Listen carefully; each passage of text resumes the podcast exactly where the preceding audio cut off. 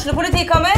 Ine Jansen er purk. Er du purk? The motherfucking bitch. Alt jeg vil, er å finne ut hva som skjedde med mannen min. Jon Carew. Er jeg sikta for noe? Iben Akeli. Det er du. Ole So, Lars Berrum og Big Daddy Karsten. Hvem sin side er du på, egentlig? Anette Hoff, Tone Danielsen, Kommer du fra Afrika? Jørnis Josef, Nesten. Kløfta. Trond Espen Seim, Det er synd å si det, men det var feil mann som døde. Purk. Premiere tirsdag på TV2 Play.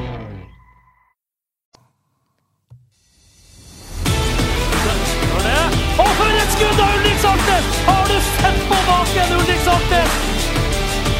Så er det skåring, og så skårer Bodø-Glimt!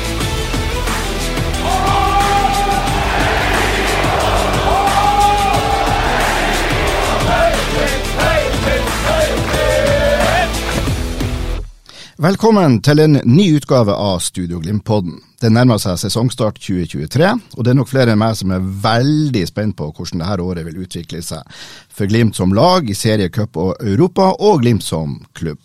Programleder i dag det er Børre Arntzen, og med meg har jeg daglig leder i FK Bodø-Glimt, nemlig Frode Thomassen. Velkommen skal du være, Frode. Takk for det. Vi skal innom litt av hvert i dag, Frode, men jeg kan nevne forholdet til supporterne, sesongen 2023, stadionplanene og økonomien i Glimt. Du har tid til alt det. Ja, vi får nå se hva vi klarer å få til. Men før vi går, går i gang med de, si, de planlagte temaene og det som jeg har forberedt deg litt på, det er, så vil jeg bare Fordi at jeg har en mistanke om at kanskje ikke alle av våre lyttere som er klar over din sportslige bakgrunn og Hvis vi bare kort skal dra litt om det, du, var jo, du er Fauske-gutt, så du har jo da gått gradene i Fauske-sprint. Er Helt rett. Og derfra Derfra så kunne si mange ville tenke at det var et naturlig steg hit til Bodø og Glimt. eh, Men på den tida der, da, da det jo på slutten av 80-tallet, så var jo Glimt og Fusksprint i samme divisjon. og Tenk på det. Tenk på det. Ja. Ja. Så eh, da gikk egentlig turen min eh, sørover. Studerte på Norges idrettshøgskole. Begynte å spille i Lyn. Var i Lyn i fire år.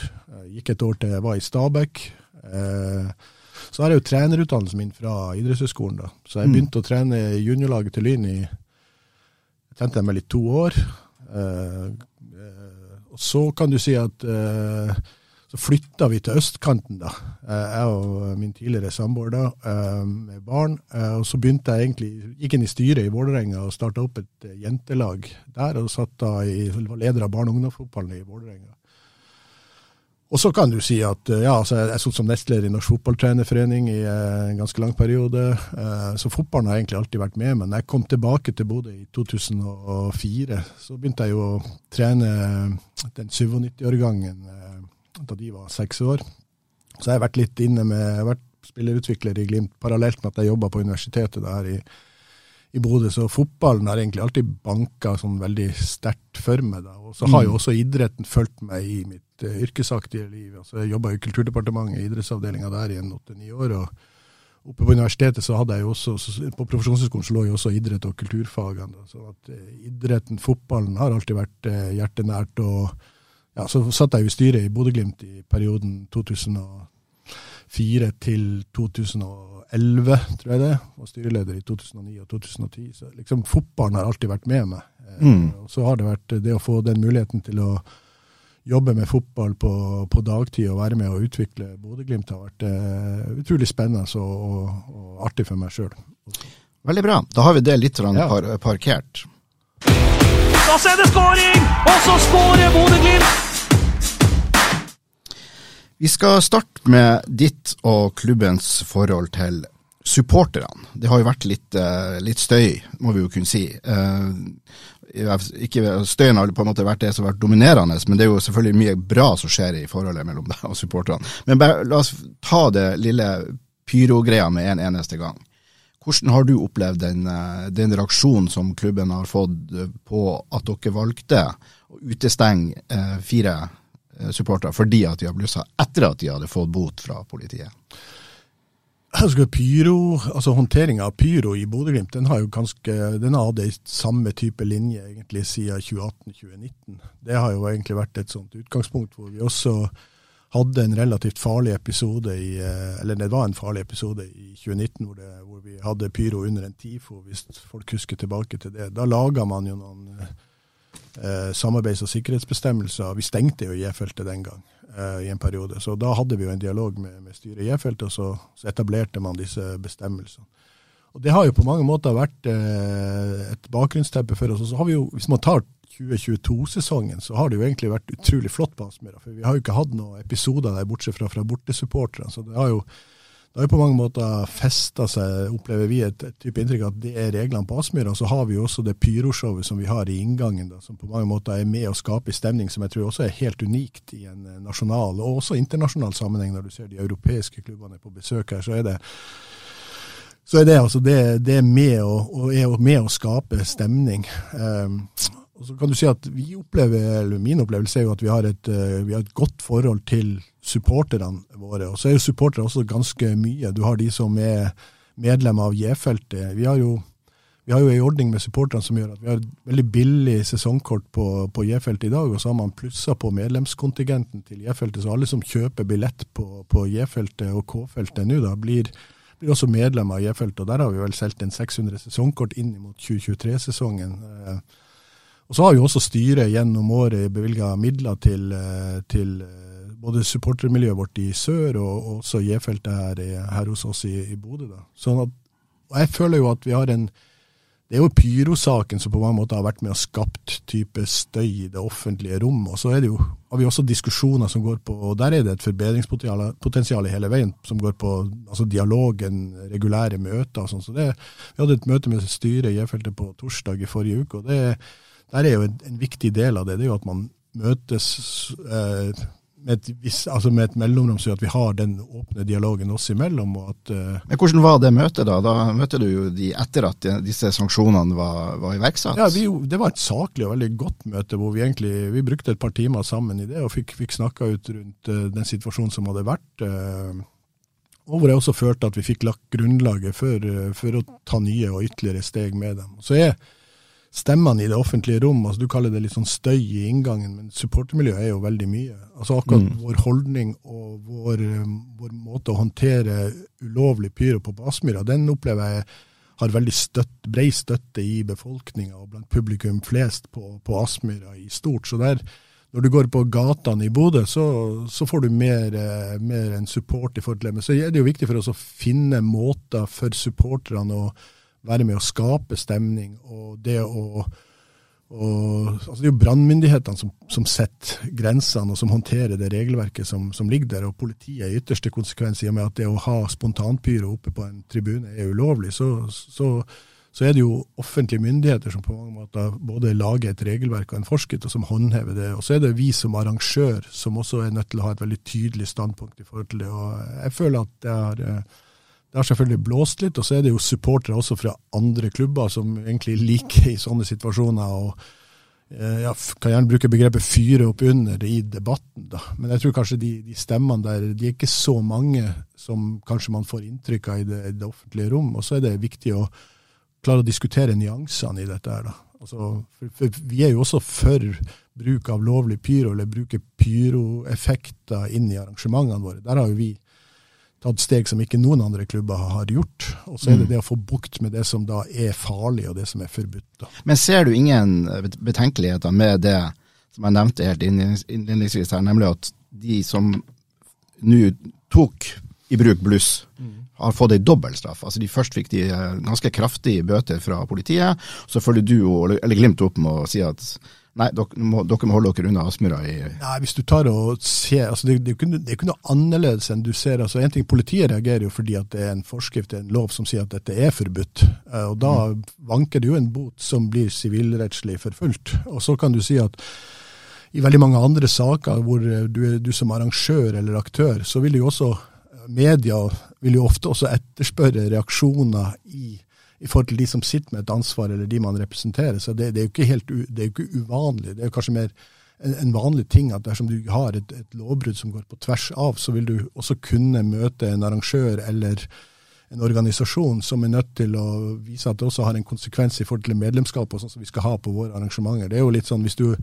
hvis du har noen hjemme på besøk hos deg, for å ta den eh, analogien, da, så, mm. og de gjør noe i ditt hus, så er det ikke sikkert å invitere dem på fest neste gang. Så det, det, er jo Men er det forholdsmessig? Jeg mener Det var en her som fikk 22 kamper, det er jo et år, og kanskje halvannet år på Aspmyra. Ja, nå fikk de vel den, den den strengeste straffen som kom, det var jo en andregangsforeteelse. Og så kan du si så det, var det 15 kamper på do, og så var det 12 på én, og det var en som la seg helt flat i det. Og, som, eh, og Der hadde vi også en dialog med J-feltet i forkant av det. At, at den som beklaga det og unnskyldte det, og så sa at dette skulle aldri ha skjedd, der, der ble det en redusert straff. Så det kan man jo alltid diskutere eh, omfanget av sanksjon. Eh, men vi har valgt å lagt oss på en sånn linje at vi, vi ønsker ikke den type hendelser på Aspmyra. Og vi ønsker å, å komme dit hvor, hvor, det er liksom eh, et sted hvor, hvor hvor vi kan være helt trygge på at den type hendelser ikke skjer. da. Og Der føler jeg vi kanskje har gått litt i front, som vi også har gjort på en del andre områder, og tatt et veldig tydelig standpunkt, og hvor det, det har konsekvenser hvis man beveger seg ut i det. Det er jo det noe, veldig mange andre klubber sliter med i dag. Ja, men Får du noen reaksjoner fra dine kolleger i andre klubber som jo ikke reagerer på samme måte? Det er ingen andre kollegaer som ringer meg, men de, det som forundrer meg litt i det, er vel egentlig at de, de Du hører veldig ofte at man sier at man er for lovlig bluss og lovlig bluss er noe annet enn spontanblussing inne i en publikumsmengde oppe på en tribune, for det er de facto ulovlig. Så det er jo mer overraskende, vil jeg si, at ikke det er flere ledere i fotballklubber som er veldig tydelige i dialogen i det offentlige ordskiftet om akkurat den type ting. Da. Fordi at i prinsippet så, så tar man egentlig ikke standpunkt til noe som, som av brannmyndighetene er definert som ulovlig og, og, og farlig. Føler du at, du at, Glimt her egentlig bare gjør det som alle klubbene burde ha gjort? Ja, så føler jeg jo NFF heier på oss, selv om de har gjort noen uh, grep nå i sine bestemmelser hvor de, hvor de ikke altså, Nå vil de ikke drive denne type saker frem til påtalenemnda, da, som de tidligere har gjort. da. Men uh, de er jo like tydelige i uh, å referere til forskriften. og Så sier de jo egentlig at det er et arrangøransvar. Men når vi snakker med NFF, så er det jo veldig applaus i forhold til måten som vi håndterer den type ting. Og så er det noe vanskeligere å få den samme applausen fra andre daglige ledere og direktører rundt omkring i Fotball-Norge.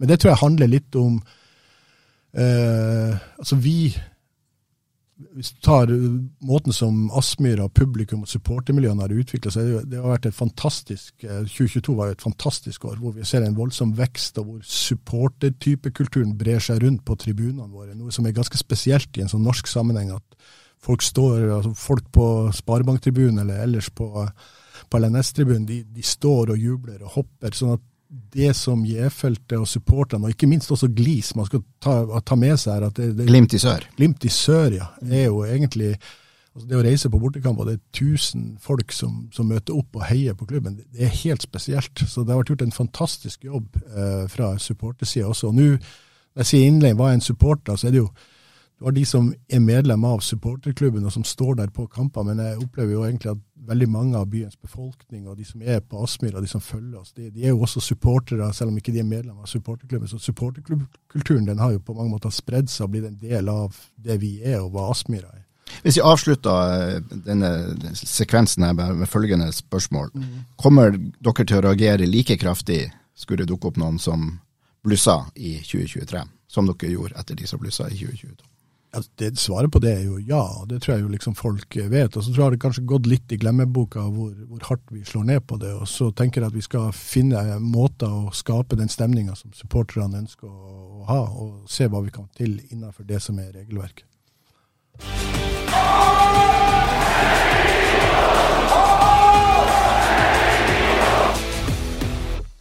Sesongen 2023 er jo rett rundt uh, hjørnet. og... Er du fornøyd med overgangsvinduet og stallen? Sånn som... Først må man jo bare kjenne på den følelsen at det er bare dager igjen til det braker løs.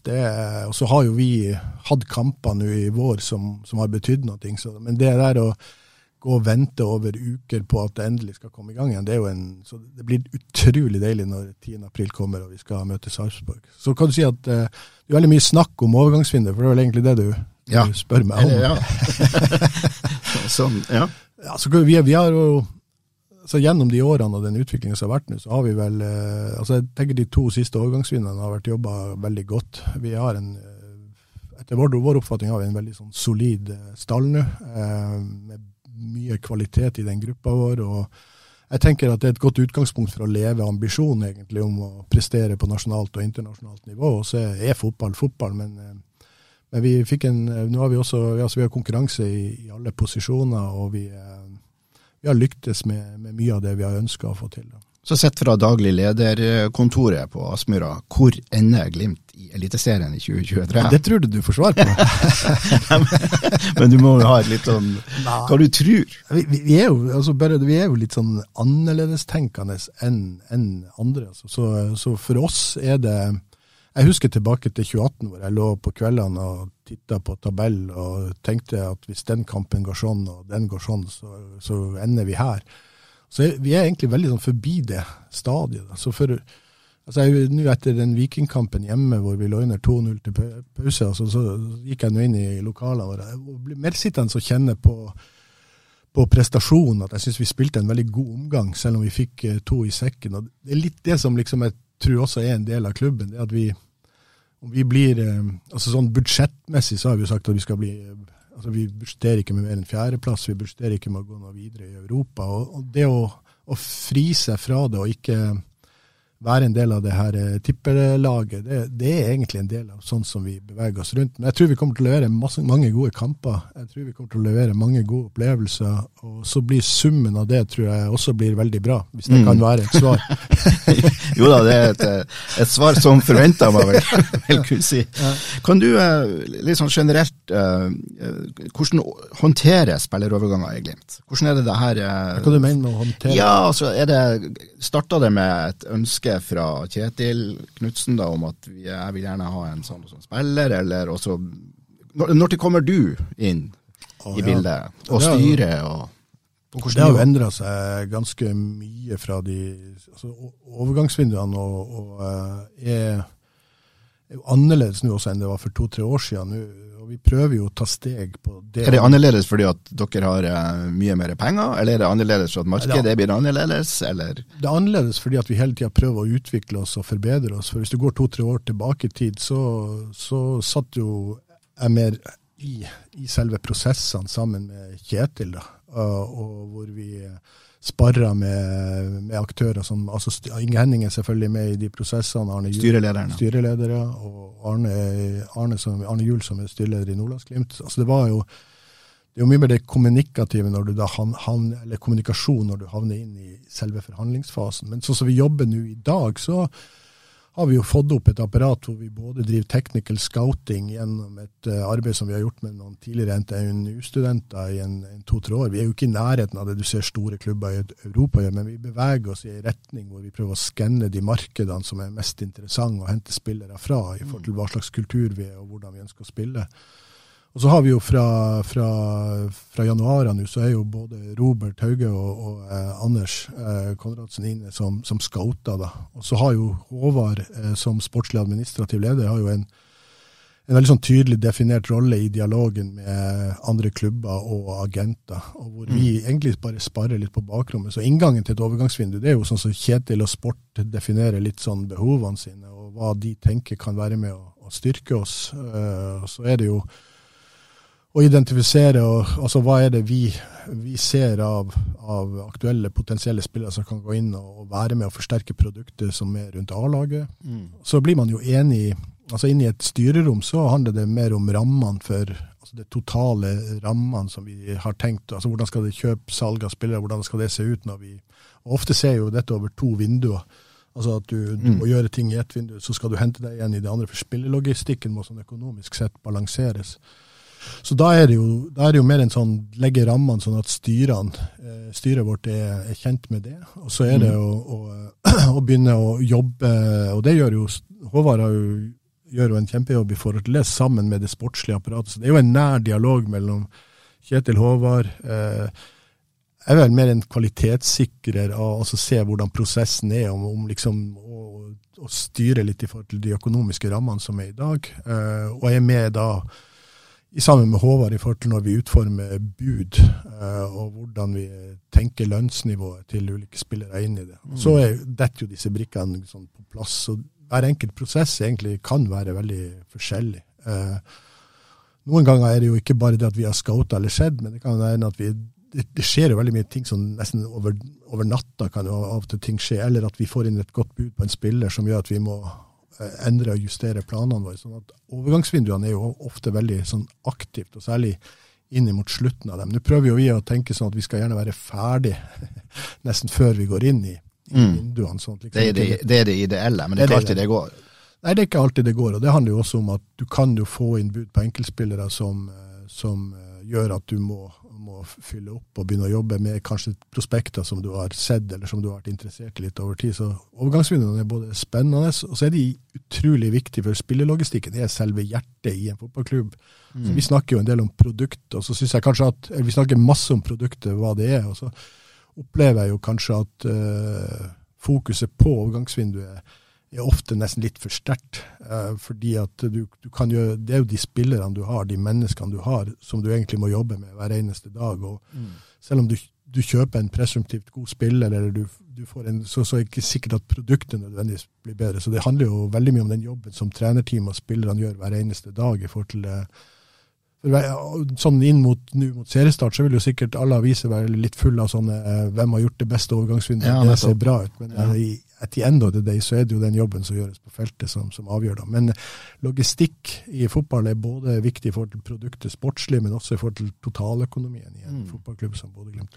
Kjetil har jo snakka offentlig og høyt om at han gjerne så at klubben brukte mye mer penger på speiding og overvåking av marked og aktuelle nye spillere. og Han kunne ønske seg masse millioner brukt på akkurat det. Hva du, hva du tenker om en, et sånt utgangspunkt? Nei, nå jeg og Kjetil er stort sett enige om det aller, aller meste, og vi prater mye sammen. Så da, egentlig det han har speila ut det s- og snakka om, det er vel at vi på logistikkområdet må altså Det er et område som vi hele tida kan forbedre oss i forhold til. altså Vi, vi, er, vi er jo en liten fotballklubb. altså Også i en norsk sammenheng så kan vi si at vi er en liten, middelstor klubb i forhold til de ressursene vi har, og hvordan vi bruker de ressursene som vi klarer å skape. Så, eh, så på mange måter så er det er jo lett å være enig med Kjetil i at så lenge som logistikken er såpass viktig, så, så er det et område som vi, vi ønsker å søke og forsterke oss på. Og så kan du si at når man snakker om Jeg tror ikke han snakker om åtte-ti heltidsansatte, for da er det jo på nivå med Men jeg tror egentlig det å at du har et apparat, at du har et nettverk, at du klarer å følge med i um, det, det som skjer i lavere divisjoner i et Oslo-område, i et vestlandsområde, i et trøndelagsområde eller i Finnmark-Troms for den del. Men det at du, du har et nettverk med gode fotballøyer som kan følge med og identifisere når ting dukker opp. Det handler jo veldig ofte, i hvert fall når du, jog, ja, når du jobber med de her eh, de spillene som du tror kan breake eller gjøre, gjøre altså, Det handler jo egentlig om å å få dem til Bodø-Glimt før de har brutt igjennom. For da, da er jo også prisen på et nivå som gjør at du ikke trenger å gå, gå av deg skoene omtrent. For å, for å få Og du kan også tjene penger på det. På. Da kan du også andre- tjene andre penger på enden, det. ja. Men igjen så er, det, så er det der Det å tjene penger på spillersalg, det tror jeg er litt sånn overfokusert. Altså f- f- For oss det vil måtte handle om det gode laget du klarer å bygge. Eh, så er liksom pengene er en, en del av den strømmen. Du må kunne klare å selge for mer enn du kjøper, og finne en god balanse i det. Men overfokusert, jeg mener når vi hører om summer som 50 millioner, eller hva det er for Nå skal ikke jeg be deg om å kommentere, men når vi hører om sånne summer, så, Ja, ja. så er det jo det er jo klart det er betydningsfullt. Det kan jo ikke være Ja, ja, ja, men du kan ikke, du kan ikke basere drifta di på enkeltstående spillersalg, eller at du De, de to store X-ene i fotballen er Altså de virkelig store X-ene er jo knytta til sportslige prestasjoner og spillersalg. Men begynner du å planlegge og bygge organisasjonen din på den type eh, handler, så tror jeg du er på et farlig spor. Vi skal prate litt mer om økonomi litt senere, men nå skal vi ha et litt annet tema. Og så er det skåring! Og så skårer Bodø-Glimt! Stadionplanene, Frode. Yes. Hva er Jeg har ikke hørt et ord om det for lenge. Det er derfor dere har, dere har blitt lei av å spørre. ja, vi blir lei av å spørre, rett og slett. Er det noe å si? Kan du, eh, kan du eh, gi oss en oppdatering? Ja, det er jo for så vidt ganske enkelt. Altså, vi, eh, vi ønsker å har veldig klare tanker om at vi, Bodø-Glimt og byen, regionen, trenger en ny arena. Og så er det ikke bare en fotballstadion vi har lagt ut i, i samfunnet som en mulighet. Det er jo en arena, en, en liten by i en bygningskropp. Vi tenker jo egentlig, sånn som vi har tenkt, så er det jo at det ligger muligheter for å bygge 70 000 kvadratmeter på Tallåkeren. 20 000 kvadratmeter skal være, skal, skal være eh, idrettsanlegg. Eh, av det, noe av det vil være fotballrelatert. Byen har behov på også en del andre områder når det gjelder idretter. Så ligger det jo en fantastisk mulighet for både offentlig og privat tjenesteyting eh, i de resterende deler av bygget. Og vi, vi, tror jo en del av de utfordringene som Bodø-samfunnet står i i forhold til infrastruktur, kan løses på den tomta i et eh, nært samarbeid. Du kan, hvis du går tilbake til når Bodø videregående skole ble bygd, så er det jo egentlig litt synd at man ikke gjorde Sogndal-varianten av det. At man bygde Campus og sånt. Ja, at man så flere behov i en sammenheng når du har den muligheten til å realisere ting. Uh, Men Betyr det du nå sier at dere ser nå i retning av mer av, av det offentlige skal komme inn sammen med dere på disse stadionplanene? Eh, kanskje ikke på en tradisjonell måte, men jeg, vi tror vel at uh, vi skal realisere en ny arena. Altså Vi er veldig sånn tydelige, og vi, off, vi jobber jo egentlig i en plan A. Altså Det er plan A det å gå den veien. Og så jobber vi helt konkret. så kan vi si Vi jobber med å få ned byggekost, og det å få leietakermiksen på plass. fordi dette må være et økonomisk bærekraftig prosjekt altså for alle aktørene som går inn i det.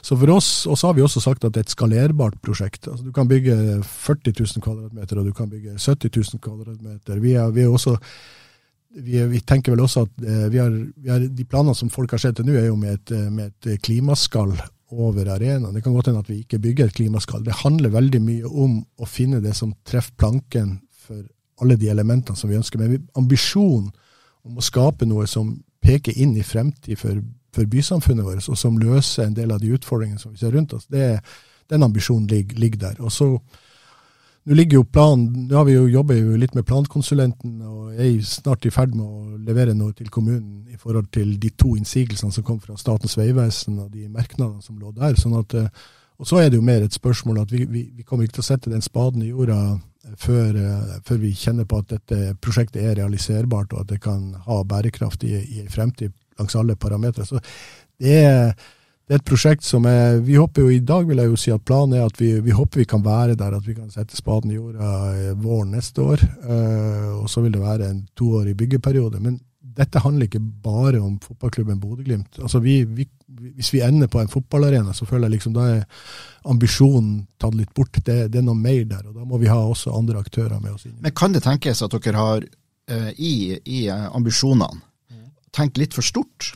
At det, at det, skremmer litt vekk. At folk syns at det her høres ut som et, et, et veldig bra, men altfor digert prosjekt. Det er litt av utfordringen at vi alltid har tenkt for lite i denne byen her.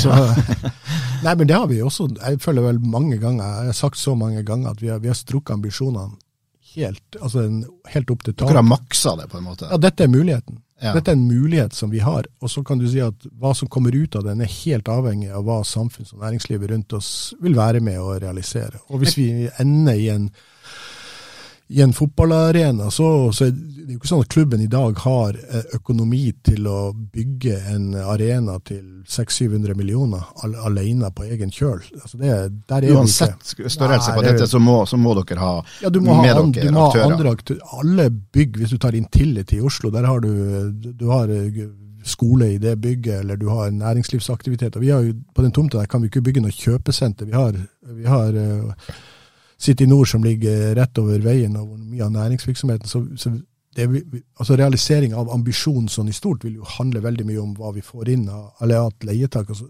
som kommer inn, og som er med å bære ambisjonen vår i stort. da.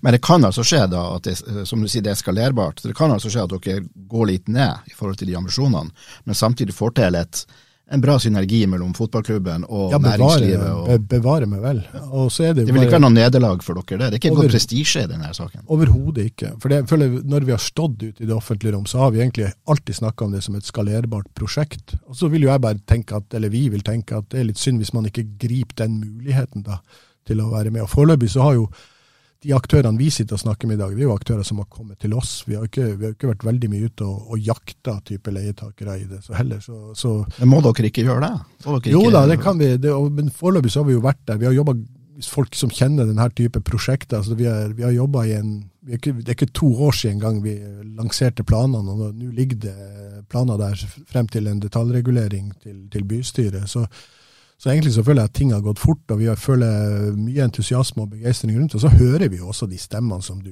du nevner her. Og det, det, det, kan godt være, men jeg tror hvis byen og landsdelen og regionen skal utvikle seg, så må man, man må tenke litt stort. Man må ha ambisjoner på vegne av byen og det vi er. Bodø-Glimt hadde aldri vært der den er i dag uten at vi hadde hatt ambisjoner som liksom strekker seg lenger enn hva kanskje tankerekka vår i første omgang tilsier at vi skulle, skulle gjøre. da. Det er jo noen som, som mener at uh, å ta til orde for at kan ikke Glimt bare bli på Aspmyra? Ja, det er jo de plan, altså vi, vi har en plan A. Altså vi tenker, fordi at Aspmyra har Aspmyra har noen veldig sånne klare begrensninger i forhold til den eiersitsen som er der i dag. Ikke det at eierne føler jo vi applauderer, og også de planene vi har om å, om å flytte til Tallåkeren. Så det, det, er ikke der det ligger. men mulighetene våre til å lage en eh, bærekraftig, moderne, flott arena som møter alle de kravene og behovene som, som klubben har i dag. Hvis du skulle, det, det som egentlig altså vi, har, vi, har en, vi, har, fått en bra infrastruktur på plass de siste årene, men samtidig så er den jo litt prega av at det er jo bygningskropper som er satt ned uten at de er sett i en sammenheng, eller at de er utgangspunktet forma på en sånn måte at formålet er, er fotball. Du har, du har flater, og så har du tribuner rundt det, men du har ikke hatt den muligheten til å tegne og modellere ting som gjør at dette blir funksjonelt eh, optimalt, eller på den beste måten du kan tenke det. Og ikke minst for publikum. Altså det å Uh, nå er jeg utrolig glad at det kommer Jeg blir nesten overraska like mange når, når, du kommer til kamper i februar eller i desember og folk kler seg og kommer. altså Det er jo en fantastisk greie. Men du kan si at over tid så tror vi jo at dette vil handle om opplevelsen i konkurranse med TV-produktet. Og da, da, må du på mange måter ha fasiliteter som gjør også at publikum kan være der. Og så er det jo også en poeng at vi er jo i en, jo i en veldig vekst. Kommer, vi skal jo starte opp med, med damefotball fra, fra januar Det å bare i en sånn gammel bygningskropp finne ut hvor du skal huse det, hvor skal garderober være, hvor skal du få plass til de folkene som kommer inn. Så kan si, Når du tegner og ser på en ny arena, så er det jo både i forhold til opplevelsen altså den, den, opplevelsen når du er på stadion og kjenner på hva det arrangementet, det trykket, lys, øh, lyd, alt det som kan være, og at du har altså, i, dag har vi altså, Hvis du tar kioskene våre oppe på Aspmyra, så, så, er jo det det, det er jo ikke akkurat så det holder eliteseriestandard. Det er mange ting ved Aspmyra som er gammelt. SNN-tribunen som ble bygd i i 1966. Altså Der tror jeg enda sikringsskapet er av den der typen hvor du skrur inn og ut sikringen uten at jeg har vært der borte. Og, Toalettene er jo også derfra. Det, det ja, så du kan si det er, det er veldig mange ting ved Aspmyra som, som, og du kan si at eh, Det er også noe med takkonstruksjonene i forhold til eh, altså det å, med lys, altså LED-lys. altså Det å få, få ting i, satt på en sånn måte at det faktisk tilfredsstiller krav. Sånn. Så det er ganske, I dag har vi jo lysmasten på Aspmyra de er jo henta fra den tida hvor man Det er jo de gamle masten på, på Ullevål stadion. Mm. Altså, vi bruker en halv million i året på, på bare vedlikehold av lysene der oppe. Mm. ikke sant? Og hvor, eh, så det, det er mange ting med Aspmyra som, som, gjør det vanskelig. Men ikke sant at hvis vi ikke hvis vi ikke får til noe, så er det Aspmyra det stedet som vi er på. Men vi, vi er veldig sterke i trua på at vi skal få noe til. da. Eh, hvis det skulle ta, trekke ut i tid, det kan jo være både byråkrati og andre ting som gjør at jeg kan gå litt lengre tid enn, det, enn ja. dere skulle ønske, eh, vil dere bli nødt til å gjøre mye mer med Aspmyra enn dere allerede har gjort? Dere har jo allerede gjort utrolig mye på Aspmyra. Ja, ja, vi har gjort veldig masse, og vi har vel sikkert investert en 30-40 millioner der oppe de siste årene. Og det er jo bare for å kunne spille kampene i Europa i Bodø på vår hjemmebane. Det har vært viktig, og det tror jeg også har vært en viktig del av reisen til klubben sånn i stort. Men vi er Per i dag så tilfredsstiller vi Uefa-kravene, så det er jo egentlig bare hvis de skulle endre krav som ikke vi klarer å møte. og Det, det kan jo skje i en Uefa-kontekst, men, men altså det, vi, har, vi, har, klart å møte alt fra det, det, er jo ikke mange år siden det bare var tribunekapasitet på 4200 tilskuere der oppe. Vi har jo nå etter vi gikk inn i eh, Europaligaen i, i høst, så har vi hatt en voldsom vi har hatt en utbygging i, i klubblokalene våre for å møte alt fra flashzone, rettighetshaver, pressekonferanserom. Altså, det ligger en del sånne krav som vi har fått på plass. Da. Så det, per i dag så, så, er det ikke noe fare for at vi Men så kan du si at det som er i nord, da, nå prater vi jo det som er Sparebanktribunen.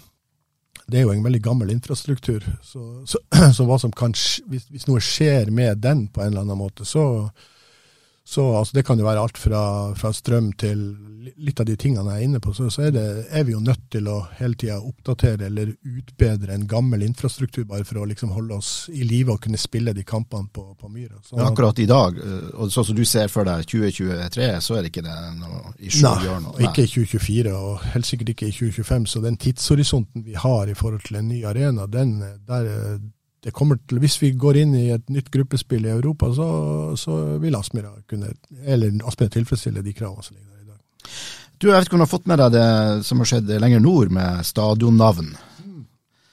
Eh, det, jo, det kom i morges. Ja, Alfheim ja, ja. heter nå da Romsa stadion. Ja, jeg må gratulere dem med det. Eh, Tromsø har jo vært flink i mange år. Noen husker jo den QR-drakten som de lanserte. og De gjør jo også et fantastisk arbeid i, forhold til gjøre som heter Felleskampen. Altså når vi snakker bærekraft, så, så har jo de vært veldig flinke i den biten der, gjennom mye av det jobben som Tom Høgli har gjort i mange år der oppe også. sånn at uh, det var både spennende og nytenkende. Og, så man må jo bruke dagen også til å gratulere dem med, det. da. Men uh, har du tenkt på noe sånn stadionnavn på uh, til, til Glimt? Bodojo stadion, eller? Du kan si at det, jeg tror Et eller annet med fotballen det er jo egentlig at vi, vi supporter det og vi applauderer det. Eh, vi har jo også spilt med, med, med, altså med navnet Sparebanken i, med samisk eh, i fjor. Eh, men det steget de har tatt nå, det er jo en helt ny tenkning. Men så tror jeg jo også det er viktig at ikke alle klubbene springer i samme retning hele tida. Altså det det de har gjort der, er viktig, og det er viktig at vi i fotballen applauderer den type initiativ og tiltak som kommer. Og så, så tror jeg for oss så er det nå Jeg tror Aspmyra stadion er, er, et navn som folk er glad i, og som, som eh, Det jeg syns er fint med akkurat den, den, den Romsa-arenasaken, det er jo egentlig at du ikke Selv om de genererer partnere De får jo partnerinntekter for det. Jeg tror Troms Kraft er med og supporter. 12,5 millioner ja, ja. over fem år. Ja da. Så du kan si at akkurat den måten å tenke på, samtidig styrke den finansielle plattformen til Tromsø, det tror jeg er liksom både klokt og, og bra. Det, for den veien, Vi har jo i hvert fall ikke tenkt den veien å gå, så selge det sånn, sånn kommersielt. da. Så, så, kan du si at uh, akkurat den biten med å understøtte samisk kultur og samisk språk, det er en fin greie. og og Så tror jeg vi kommer nok til å være i eh, Aspmyra-navnet frem til vi eventuelt skifter sted. Eh, så vi, vi har i hvert fall ikke noen planer per i dag om å kommersialisere stadionnavnet vårt. Eh, og så er jo ikke det det Tromsø gjør. De, de bruker det jo til et veldig godt formål. Da, Og så er det skåring, og så skårer Bodø-Glimt! Økonomi nå, Frode. Vi har jo snakka litt om Tromsø og de, det de har gjort der. og så sånn som sett fra vårt sted, og helt sikkert fra daglig lederkontoret òg, så ser jo, ser jo Bodø-Glimt nå unektelig på et godt sted økonomisk. Det må vi vel kunne slå fast. Det er penger på bok, og det er realistiske budsjetter. Er det utenkelig for deg akkurat nå, eh, sånn som vi, når vi sitter her nå og det er snart seriestart igjen, å se for deg klubben tilbake på 2010-11-nivået med en nesten konkurs?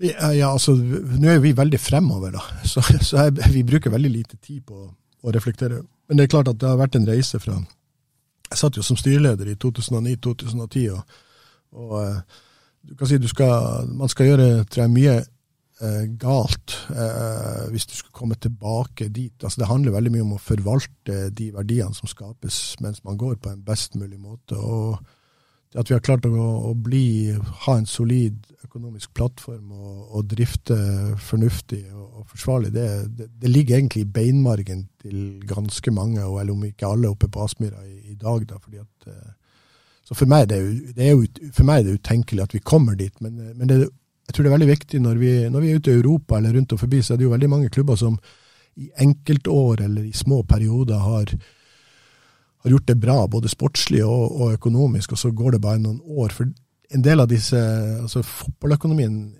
opererer jo med ganske store tall på egentlig ganske sånne mindre tiltak. Altså Hvis vi hadde kasta hele egenkapitalen vår inn i å bygge ny tribune i nord f.eks., så, så hadde du ikke så tror jeg ikke det hadde vært en fornuftig forvaltning av kapitalen i forhold til at det er produktet som er ute på banen der, som er selve hjertet i det vi gjør. da. Så vi, vi prøver nå etter beste evne å forvalte det forsvarlig. Da, Men den nøkternheten som du egentlig snakker om her, mm. eh, den må jo henge litt sammen med det. Selv om dere ikke liker å se bakover i historien, så må det jo henge litt sammen med at man har opplevd tøffe tider i klubben. Eh, Ja, ja, ja, Det, det må jo Ja da, det, det, det, det, det henger i hop. Og jeg tror kanskje den erfaringa gjør at vi, at vi håndterer eh, de verdiene som skapes på en annen måte enn kanskje mange klubber ville ha gjort. da. Men det mener du at dere er ikke så hissige på å bruke de, dere sparer på de? Eller hva du tenker da? Nei, altså vi bruker, jo, vi bruker jo midler mens vi går. Hvis du tar infrastrukturen vår, så er det jo ting som vi har tatt mens vi har gått, fordi vi har sett inntektene altså Når du går inn i et europaspill, så får du sånn at resultatregnskapene våre kunne vært mye større hvis vi, vært, hvis vi hadde kunnet vært på Aspmyra og, spilt, så hadde jo tallene vært enda bedre enn det du ser. Så vi har jo tatt ting på, på driftsårene mens vi har gått. Eh, og så handler det jo litt om eh, at, at du eh, ikke sant, Spillelogistikken er egentlig en Hvis du tenker spillelogistikken, så er det det å få den til å være i balanse mens du går, da. Sånn at ikke du du, du, kan ikke, du kan ikke kjøpe over evne, eller du kan ikke bygge en klubbstruktur som ikke har en kostnadsbase som du vet holder, også hvis du ikke skulle få sportslig suksess. Jeg tror noe av de viktigste prinsippene vi har per i dag, er at vi ikke budsjetterer med sportslig suksess, at vi ikke budsjetterer med spillersalg som vi ikke har gjort. Og så er øvelsen litt sånn i stort å få spillelogistikken som et, som et system til å, til også å være et balansesystem. Og det, det, har, det har vi klart frem til nå. Og det gjør jo også at vi har, selv om mange, også vi internt, kjenner på at det har gått fort, så har vi egentlig hele tida klart å, å hadde et taktskifte som på mange måter har vært balansert, da, hvis det går an å beskrive det på den måten. Og så vil du, Når du titter inn i, i budsjettene våre og litt det du refererer til, så er det jo en det er jo sikkert flere klubber som har høyere budsjetter enn det vi har. Og det er jo litt av Når du ser at vi har en omsetning på 300 millioner bare på klubbsida i, i, i fjor, så, så er det jo når du går inn i et 2023, så, så må du egentlig stille huet ditt inn på at det er ikke sikkert det skjer i, i 2020. Altså 2022 blir ikke nødvendigvis helt likt 2023, sånn at du bygger en kostnadsbase som egentlig er mer sånn altså den, den tar ikke med seg alle de oppturene som sportslige prestasjoner kan gi, eller at store spillesalg vil kunne bidra til å booste økonomien. For da må du begynne å planlegge med det hvert år, og de to x-ene der det er bare å se landskampen i går, eller det, altså det er et eller annet med at du kan være veldig god, men det er ikke alltid resultatene bikker i din favør. og det, det er liksom, Du spør om hva jeg tror hvor vi havner. så jeg liksom, Huet mitt kan ikke være at, at, jeg, at vi tror, men det, du må på en måte planlegge med det du har en sikkerhet for. og da, Hvis det da blir oppturer, så gir det muligheter til å bygge videre. Så vi må, det å få styrka partnerinntektene våre over tid vil jo kunne være med å løfte det budsjettallet. mener at vi ikke gjør det som form av, eh, form av spillesalg eller, eller sportslige prestasjoner. Så kan du si at det er prinsippene våre sånn som vi rigges i dag. og så Etter hvert så vil jo, nå begynner jo spørsmålene å komme rundt egenkapitalforvaltning og, og, og litt, litt andre typer spørsmål enn det vi hadde for noen år siden. Og det, jeg tror litt sånn som eh, Hvis du går tilbake til det spørsmålet du hadde rundt Kjetil, er jo at logistikken vår er jo et sånt område hvor du på mange måter må, må evne altså Hvor er det du bygger da i klubb? Hvor er det du styrker det? Hvor er det du bruker ressursene dine internt over tid? Altså, eh, men det, det, det er en annen plass å være enn i 2017, for å si det ganske mildt. Ja. Eh, Mange i Fotball-Norge de uttaler seg jo friskt, kan man si, om Ja. lønnsnivået, spillelønningene. De uttaler seg om alt mulig rart. Ja. det er jo sånn det er å være en populær klubb. Ja. Men eh, kan du opplyse oss litt her om lønnsnivået? Er det på et sånt nivå at dere ikke setter økonomien i fare dersom man ikke oppnår Ja, ja det, vil- det, det har jeg jo sagt egentlig ganske mange ganger. Altså, vi har en ganske nøktern grunnlønn. og Ellers så er det jo veldig mye, det er jo knytta til signene og bonusrelaterte ordninger, som egentlig tikker inn hvis vi, hvis vi har en suksess, eller, eller at du også i forhold til vinduene. ikke sant? At du, at du hele tida kan justere virksomheten din i forhold til det du ser av inntekter som kommer. Så vi har et, eh, jeg føler vi har, vi har skapt oss et system som gir oss den kontrollen som vi må ha og bør ha for å drifte nøkternt og forsvarlig i fremtiden.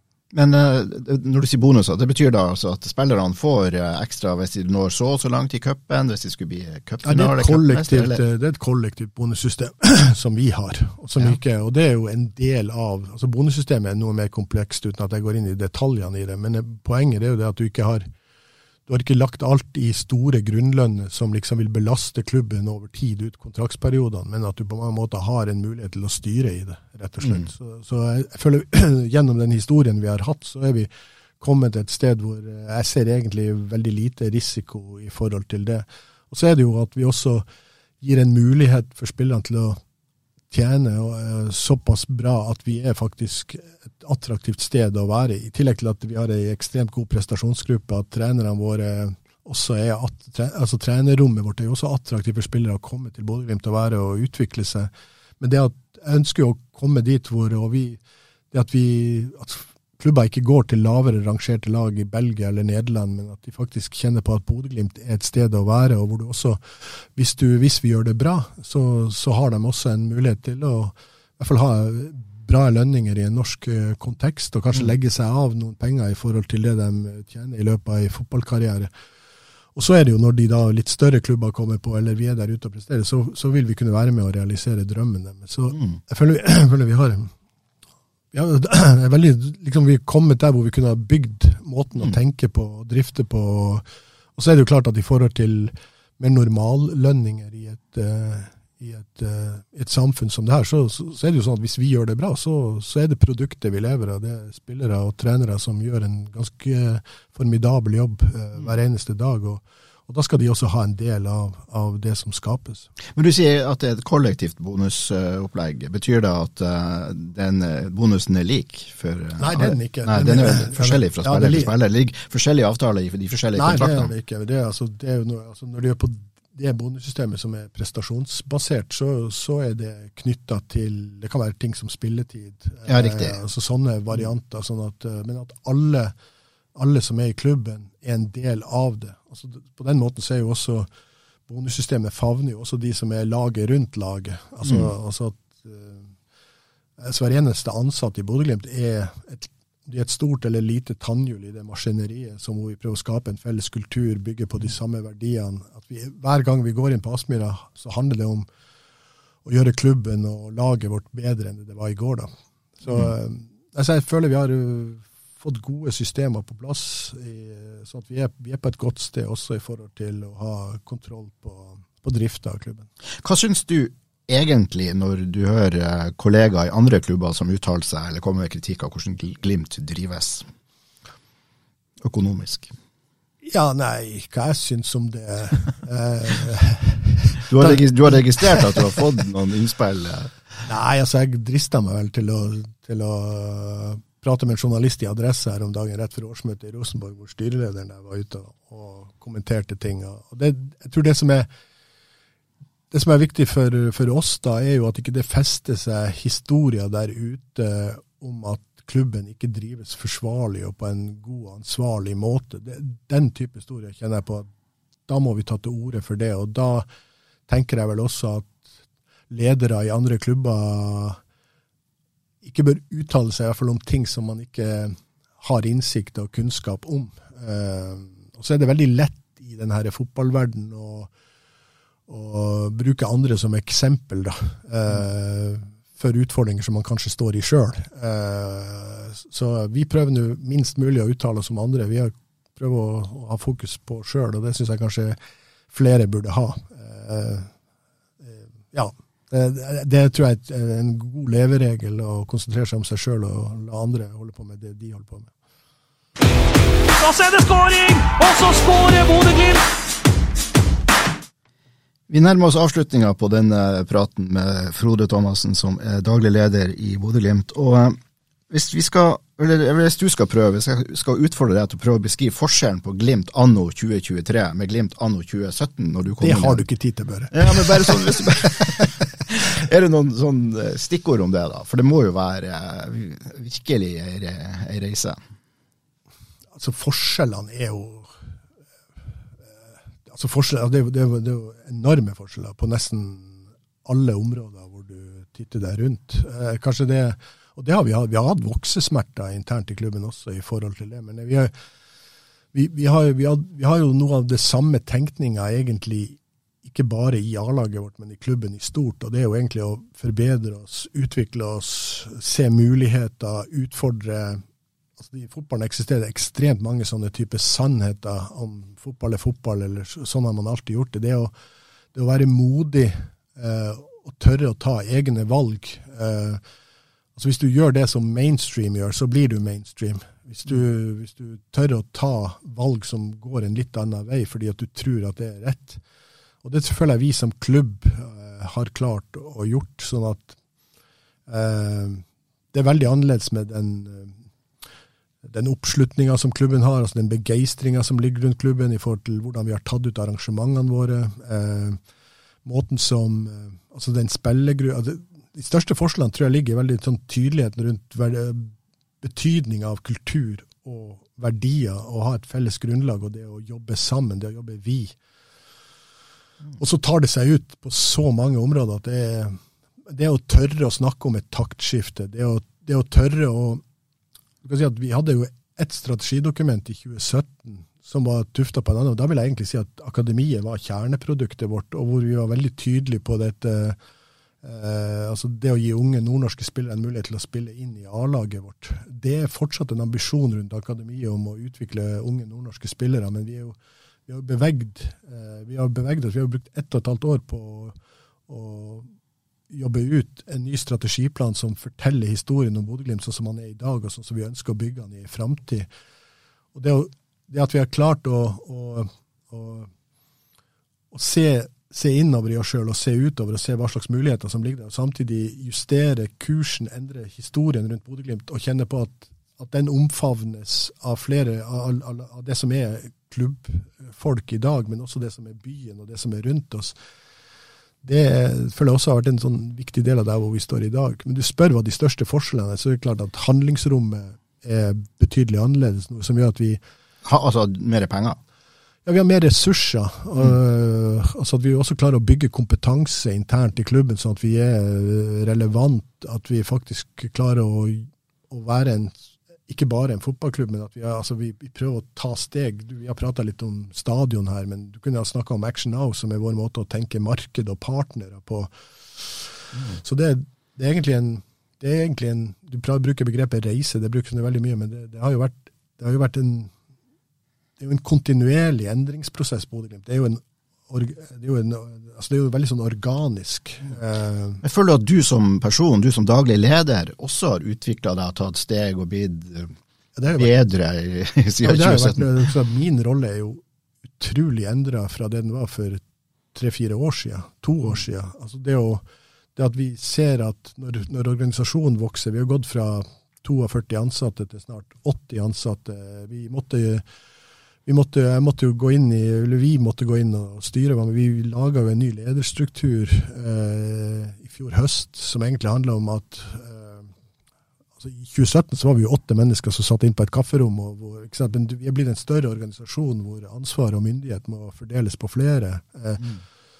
Så hvor du tidligere var, i hvert fall som daglig leder, så var du jo både inne i marked og i arrangement, og du var inne i, i hele kjernen av spillelogistikken, så er jo min rolle også veldig endra. Men det handler jo også om at vi har fått dyktige folk inn i ulike posisjoner, som også utvikler sine roller. Det skaper av og til spenninger og litt sånn mm.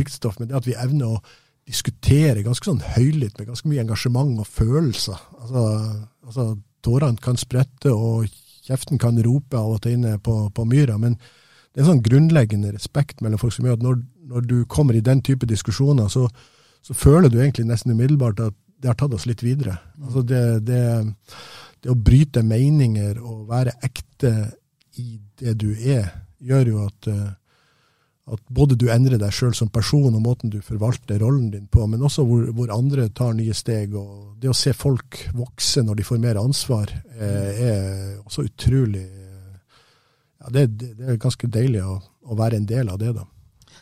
Hva er det verste som kan skje med Glimt som klubb? Er... Ja, Nå ser jo vi bare muligheter. Altså. Ja. Dere må jo være forberedt på at ikke alt går den veien som Glimt vil, da.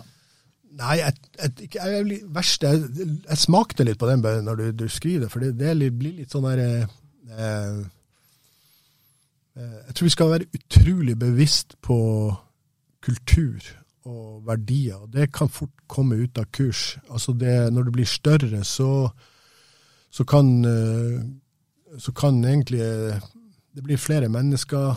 Du skal prøve å dele det samme type tankegodset. Du skal prøve å dra i samme retning. Så du kan si at måten som vi rekrutterer og bygger klubb på, så tror jeg liksom det verste Jeg tror, jeg tror vi, vi må ikke komme dit hvor vi blir vår egen verste fiende internt i klubben. At vi klarer å holde det, at vi, vi blir at vi fortsatt er noe av det viktigste. At vi klarer å skape kraft, og at vi har samme opplevelse av hva retninga til klubben er. Så jeg, jeg, tror så lenge som du så lenge som du klarer å holde liv i en levende samtale internt om hva slags verdier vi er tufta på, og hva slags kultur som kreves for å ha et prestasjonsmiljø av høyeste høyeste klasse. For det, det krever noe av oss hver eneste dag. Så lenge du klarer å holde det. Det verste det er hvis du mister taket på det.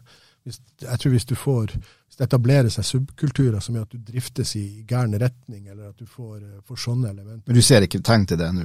Nei, nei, det gjør jeg definitivt ikke. Men vi er nødt til å holde tak i det. Mm. Altså, jeg tror vi mer enn kanskje noen andre virksomheter Altså, Jeg snakker om, om, verdiene, vi snakker veldig mye om kultur. Vi er veldig oppmerksom på når du stiller spørsmål om resultat, så slår det egentlig eh, altså, Alle klokkene slår inn. sånn at vi og det at vi bruker, de, vi bruker ord, at vi evner å fornye oss, eh, at du ikke må ikke bli tilfreds. da. Det verste som kan skje, det er kanskje at du blir tilfreds. At Der kom svaret. Ja, ja, ja, ja du, må, du, må, ha sult, rett og slett. Ja. Har dere planer for hva som skal skje den dagen Kjetil Knutsen sier takk for seg som, uh, som uh, trener i Bodø-Glimt? Kjetil eh, vi, vi, har en plan A. Det er litt det jeg prøver å si. Altså, vi er i, jeg tror Så lenge som vi er en klubb som er i utvikling, og som er attraktiv, og hvor Kjetil får brukt alle sine krefter og energi på å bygge et solid fotballprodukt, så er overhodet ikke altså Vi bruker veldig lite tid på det. Jeg skjønner at folk diskuterer det rundt omkring ved lunsjbord og kaffebord, men eh, Det er klart fotball og Glimt-tilhengerne er jo opptatt av dette. Ja, ja, ja, ja. Men det er egentlig litt sånn det er litt sånn Det er også et sånt eh, Du spurte om det verste, eller eh, ikke sant, at Jeg tror ikke Nå må jo Kjetil svare på de tingene egentlig litt sånn sjøl, men, men, det er en plan A. Det er å bygge et sterkest mulig Bodø-Glimt. Og vi har en fantastisk trener i eh, Kjetil og Morten og Jonas og, ja, Ørjan og uh, Glemte sikkert et navn oppi den tankerekka. Men det, det, trenerteamet vi har, er utrolig, eh, utrolig imponerende å se måten de jobber på.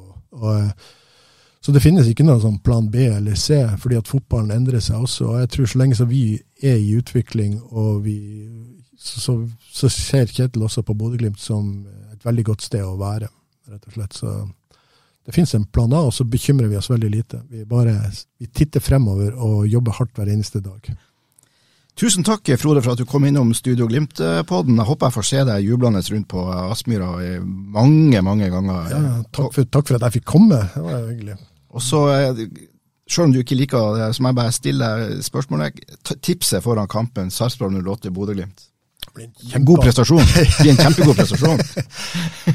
jeg tror alle gleder seg. Så jeg tror det kommer ut et Bodø-Glimt-lag med masse energi, og som har en god plan. Da bruker det å gå bra.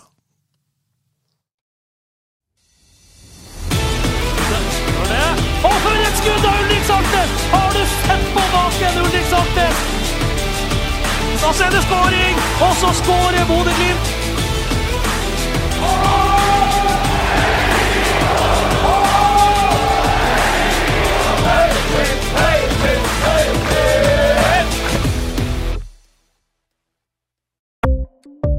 Ukens annonsør er HelloFresh. HelloFresh er verdens ledende matkasseleverandør og kan være redningen i en travel hverdag. Mange av oss har nok vandret i butikken både sultne og uten en plan for middagen, som ender med at vi går for de samme kjedelige rettene gang på gang. Middag burde være dagens høydepunkt. Som HelloFresh kan du nå velge mellom 25 ulike retter hver eneste uke, eller få HelloFresh til å sette sammen menyen for deg. Dette gir deg muligheten til å prøve nye og spennende retter alene eller sammen med familien. Du velger antall porsjoner og får alt levert på døren på et tidspunkt som passer for deg. Oppskriftene er enkle, og maten er lett å lage både for store og for små. Ved å få alt levert hjem får du også mer tid til å dele matgleden med familie og venner. Kanskje det frister med asiatiske tacos eller greskinspirert kylling? Da kan jeg anbefale deg om å gå inn på hellofresh.no. Her kan du bruke koden FOTBALL og få opptil 1779 kroner i rabatt på de første fem matkastene hvis du ikke har prøvd Hello Fresh tidligere. Du kan også bruke rabatten hvis du har vært kunde og stoppet abonnementet ditt for tolv måneder siden eller lengre. Gå inn på hellofresh.no og bruk koden FOTBALL. Har du et enkeltpersonforetak eller en liten bedrift? Da er du sikkert lei av å høre meg snakke om hvor enkelt det er med kvitteringer og bilag i fiken, så vi eh, gir oss her, vi. Fordi vi liker enkelt. Fiken superenkelt regnskap.